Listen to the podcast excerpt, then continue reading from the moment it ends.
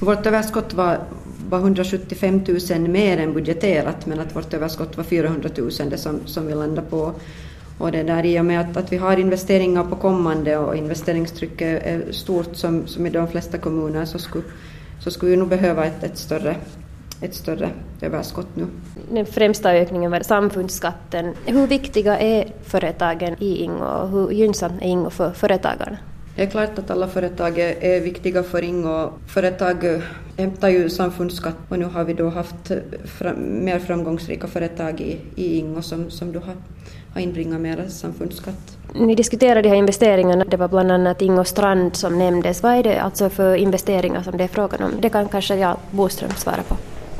Ingo Strand det är så som jag ser det det viktigaste projektet nu fem år framåt ett projekt som kommer att, att förändra och lyfta Ingo så som jag ser det. Och, och där kommer att gå ganska mycket pengar för det, för det förverkligat. Du nämnde också, Jarl Boström, att det kommer att gå pengar till de gamla byggnader som börjar vara i dåligt skick, bland annat Kyrkfjärdens skola och Ingahemmet. Vill du berätta lite närmare om det?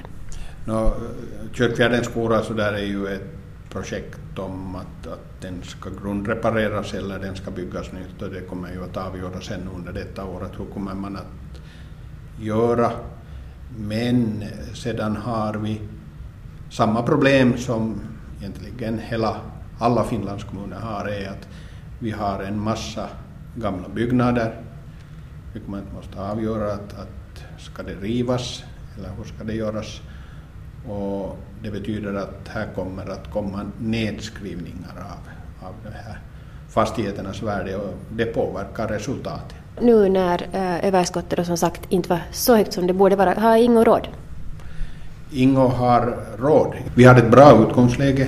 Vi har ett rätt så stort eh, kumulativt överskott. Vi har lånebördan under landets medeltal nu, men eh, ska vi lyckas hålla det så då kräver det att nyinvesteringarna finansieras och för att kunna investera måste man ha ett överskott. Ekonomichef Charlotta Lindvall, du sa att ett av de största orosmolnen är det att eh, befolkningsantalet har sjunkit så pass mycket med 103 personer enligt de senaste uppgifterna.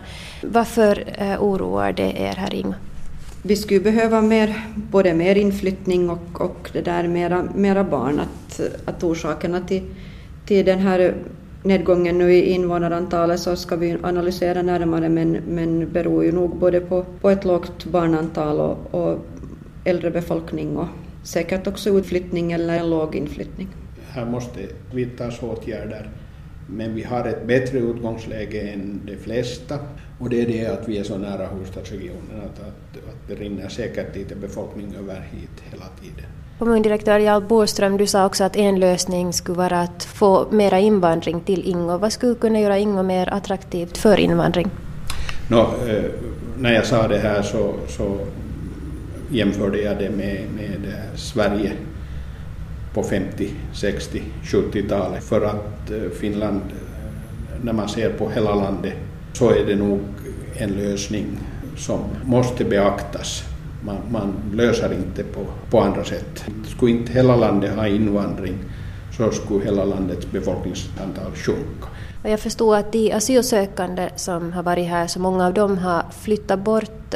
Vad skulle vara ett sätt att integrera dem så att de skulle välja att stanna i Ingo? Det är egentligen ordet som vad man ska göra. Man måste integrera. Det här är en utmaning också, att få alla med in i samhället.